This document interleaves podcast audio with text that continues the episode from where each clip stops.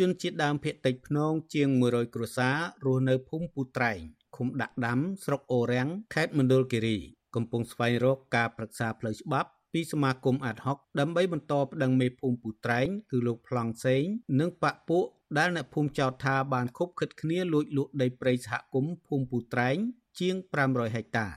តំណាងសហគមន៍3នាក់នៅថ្ងៃទី16សីហានេះបានធ្វើដំណើរដល់ការិយាល័យសមាគមអាត់ហុក ដើម្បីស្នើសុំជំនួយផ្នែកច្បាប់សម្រាប់ដាក់បណ្ដឹងជាថ្មីទៀតក្រោយពីពួកគាត់រកឃើញឯកសារមិនប្រក្រតីជាច្រើន ដែលមេភូមិរូបនេះនិងអាជ្ញាធរឃុំមួយចំនួន បានចុះហត្ថលេខានិងបោះត្រាលក់ដីព្រៃសហគមន៍តាំងពីឆ្នាំ2018ប្រធានសហគមន៍ភូមិពុះត្រែងលោកភៀនច្រើនឲ្យដឹងថាមេភូមិរូបនេះនិងបពពួកបានលួចលក់ដីព្រៃសហគមន៍ភូមិពុះត្រែងទំហំជាង500ហិកតាជាង3ឆ្នាំមកហើយ ប៉ុន្តែពួកគាត់ទើបតែទទួលដំណឹងនេះនៅរយៈពេល6ខែចុងក្រោយនេះលោកថាអ្នកទិញបានព្យាយាមលាក់អត្តសញ្ញាណនិងប្រើល្បិចយកពលរដ្ឋជាខែលដើម្បីទិញដីព្រៃសហគមន៍ដ៏ធំសម្បើមនេះបានដោយជោគជ័យលោកបន្ថែមថានៅរយៈពេល2ខែចុងក្រោយនេះមានកម្មករជាច្រើនក្រុមបានទៅកាប់ទន្ទ្រានដីព្រៃសហគមន៍អស់ប្រមាណ4ហិកតា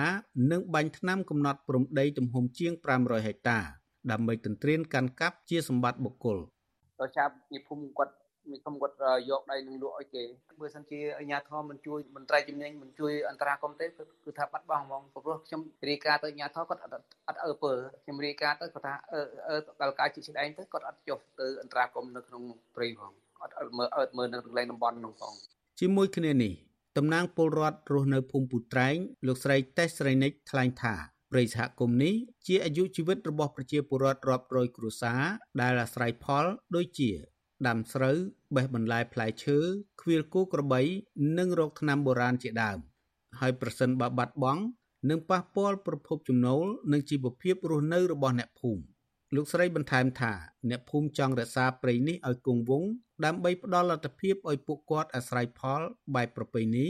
មិនចង់ឲ្យមានការកាប់ទន្ទ្រានរំលោភយកធ្វើជាកម្មសិទ្ធិឯកជននោះទេលោកស្រីថាផ្នែកខ្លះនៃព្រៃសហគមន៍នេះក៏ទទួលរងការកាប់ទន្ទ្រានទ្រង់ទ្រាយតូចតូចអស់ជាច្រើនហិកតាទៀតដោយសារអាជ្ញាធរខេត្តនេះខ្វះការយកចិត្តទុកដាក់ថែទាំនិយាយទៅការព្រួយបារម្ភនឹងវាមានខ្លាំងហើយច្រើនដោយសារតាជាតំបន់របស់យើងហើយ បើគេលក់គេយកអីចឹងទៅយើងវាបាត់បង់កន្លែងភៀលគោក្បីហើយកន្លែងរកអនុផលព្រៃឈើឬក៏ផ្លែអីផ្សេងផ្សេងទៅវាយើងត្រូវបាត់បង់ណាតែយើងអត់មានព្រៃកន្លែងណាដែលដូចដើមឈើធំធំហ្នឹងធ្លាប់តែមានវាទៅជាអស់អញ្ចឹងបើមិនជាគេយកដីចំនួនប៉ុណ្ណឹងព្រៃសហគមន៍ភូមិពូត្រែងមានផ្ទៃដី2000ហិកតា បានចុះបញ្ជីទទួលស្គាល់ពីក្រសួងកសិកម្មកាលពីឆ្នាំ2008ព្រៃសហគមន៍នេះស្ថិតនៅជាប់ព្រំដែនជម្រកសត្វព្រៃភ្នំព្រិច និងដែនជម្រកសត្វព្រៃភ្នំណាមលាដែលមានជនជាតិដើមភាគតិចភ្នងជាង300គ្រួសារអាស្រ័យផល និងទាញប្រយោជន៍ពីព្រៃនេះមកចិញ្ចឹមជីវិតបែបប្រពៃណីឆ្លើយតបការចោទប្រកាន់នេះមេភូមិពូត្រែងលោកប្លង់សេងបានច្រានចោលការលើកឡើងនេះដោយលើកហេតុផលថាពលរដ្ឋមូលដ្ឋានមួយចំនួនដែលមានដីចម្ការតាមចន្លោះព្រៃសហគមន៍លក់ដីរបស់ខ្លួនឲ្យឈ្មួញ លោកទទួលស្គាល់ថាពិតជាមានការលក់ព្រៃសហគមន៍ជិត500ហិកតាប៉ុន្តែការទិញលក់នោះគឺនៅតំបន់ដែលមន្ត្រីជំនាញកាត់ជ្រៀលរួចហើយមិនស្ថិតក្នុងព្រៃសហគមន៍ទៀតទេមិនមែនខ្ញុំនឹងនេះជាបកគលខ្ញុំលក់ម្នាក់ឯង500ហាត់600ហាត់នឹងមានសិទ្ធអីលក់លក់បានប៉ុណ្ណឹងនិយាយអញ្ចឹងឥឡូវប្រជាពលរដ្ឋគេមានឈ្មោះគ្រប់គ្រាន់ហើយបានគេហ៊ានអញ្ចឹងនេះខុសខាតប្រជាពលរដ្ឋនឹងចេះតែឈុំពីសហមេសហគមន៍ពីបរិស្ថាននេះពីហ្នឹងគេកាត់ខ្វៀលឲ្យអញ្ចឹងកាត់ កាត់ខ្វៀលហ្នឹង490ហិកតាមិនមែនតែត្រឹមដីព្រៃទេដីចំការចាស់ចាស់គេហ្នឹងគេលក់ដូរអីតិចតួចអញ្ចឹងវិទ្យុអស៊ីសេរីមិនទាន់សុំការបំភ្លឺរឿងនេះពីមេឃុំដាក់ដាំលោកចាស់ណាអភិបាលស្រុកអូរាំងនិងលោកសៀកមុនី បាននៅឡើយទេ នៅថ្ងៃទី16សីហា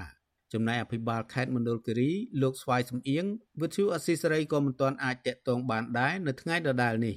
ទីប្រឹក្សាបណ្ដាញសហគមន៍ជនជាតិដើមភាគតិចភ្នងលោកគ្រឿងដុល្លារថ្លែងថាលោកមិនទាន់ឃើញមានលិខិតណាមួយបញ្ជាក់ពីក្រសួងកសិកម្មកាត់ជ្រៀលដីព្រៃសហគមន៍នេះនៅឡើយទេលោកថាការលើកឡើងរបស់មេភូមិរូបនេះជាលេសឆ្លើយដោះសារកិច្ចពីការទទួលខុសត្រូវតែប៉ុណ្ណោះលោកស្នើឲ្យអាជ្ញាធរខេត្តមណ្ឌលគិរីបង្កើតគណៈកម្មការជំនាញដោះស្រាយរឿងនេះឲ្យច្បាស់លាស់និងដកហូតដីព្រៃសហគមន៍មកជាសម្បត្តិរដ្ឋទាំងអស់វិញ។ មេភូមិខ្លះហ្នឹងមុនមុនហ្នឹងគេអត់ហ៊ានដូចមេភូមិឥឡូវហ្នឹងទេហើយមេភូមិឥឡូវហ្នឹងមួយគាត់ហ៊ានទី2ដោយសារគាត់មានន័យថាគាត់ធ្វើទៅតាមទៅតាមថ្នាក់លើបញ្ជាហ្នឹងគាត់គេបញ្ជាមិនគាត់ធ្វើអញ្ចឹងអាជ្ញាធរភូមិខុំស្រុកខេត្តហ្នឹងគេមើលថាមនុស្សដែលខូចហ្នឹងវាផ្ដល់ផលប្រយោជន៍ដល់ពួកគាត់អញ្ចឹងគាត់អត់ដកទេអញ្ចឹងណាផលប្រយោជន៍មានន័យថាមេភូមិខ្លះមេភូមិមុនមុនហ្នឹងមានន័យថាឲ្យសញ្ញេដីឲ្យទៅទៅចូលដីព្រៃដីអីទៅ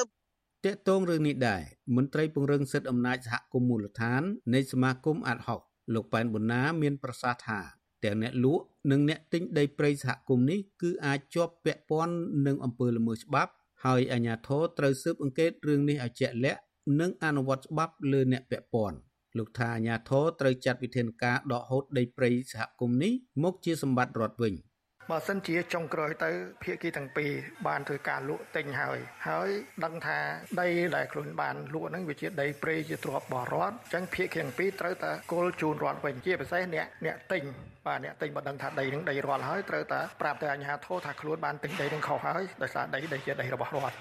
កាលពីដើមឆ្នាំ2020រដ្ឋមន្ត្រីក្រសួងមហាផ្ទៃលោកសខេងបានបង្កើតក្រុមការងារអន្តរក្រសួងចុះស៊ើបអង្កេតបទល្មើសព្រៃឈើ ការកាប់រុករានដីព្រៃអភិរក្សខុសច្បាប់នៅខេត្តមណ្ឌលគិរីដោយរកឃើញថាមានមន្ត្រីរាជការអភិបាលស្រុក និងមន្ត្រីយោធាសរុបជិត20នាក់បានជាប់ពាក់ព័ន្ធករណីនេះលោកសខេងបានស្នើទៅលោកនាយករដ្ឋមន្ត្រីហ៊ុនសែនដើម្បីបញ្ចប់មុខទំនែងអាជ្ញាធរខេត្តមណ្ឌលគិរីជាង10រូបរួមទាំងមន្ត្រីយោធាផងក្នុងនោះរួមមានអភិបាលស្រុកកោះញែកលោកស៊ិនវណ្ណវុឌ្ឍមេឃុំស្រែព្រះ លោកភៀមពេ មេឃុំសែនមនោរមអ្នកស្រីថ្វាន់ត្រាលមេឃុំស្រែខ្ទុំលោកបុតសំអាលមេបញ្ជាការរងកងឯកភាពស្ថាបនាលេខ716លោកឋានប៊ុនធឿនរួមទាំងមន្ត្រីយោធា12នាក់ផ្សេងទៀតរដ្ឋាភិបាលបានសម្រេចដកលោកស៊ិនវណ្ណវុឌ្ឍពីតំណែងអភិបាលស្រុកកោះញែកហើយឲ្យមន្ត្រីរូបនេះមកបម្រើការងារនៅក្រសួងមហាផ្ទៃវិញខ្ញុំបាទលេងម៉ាលី With you Assisary រាយការណ៍ពីរដ្ឋធានី Washington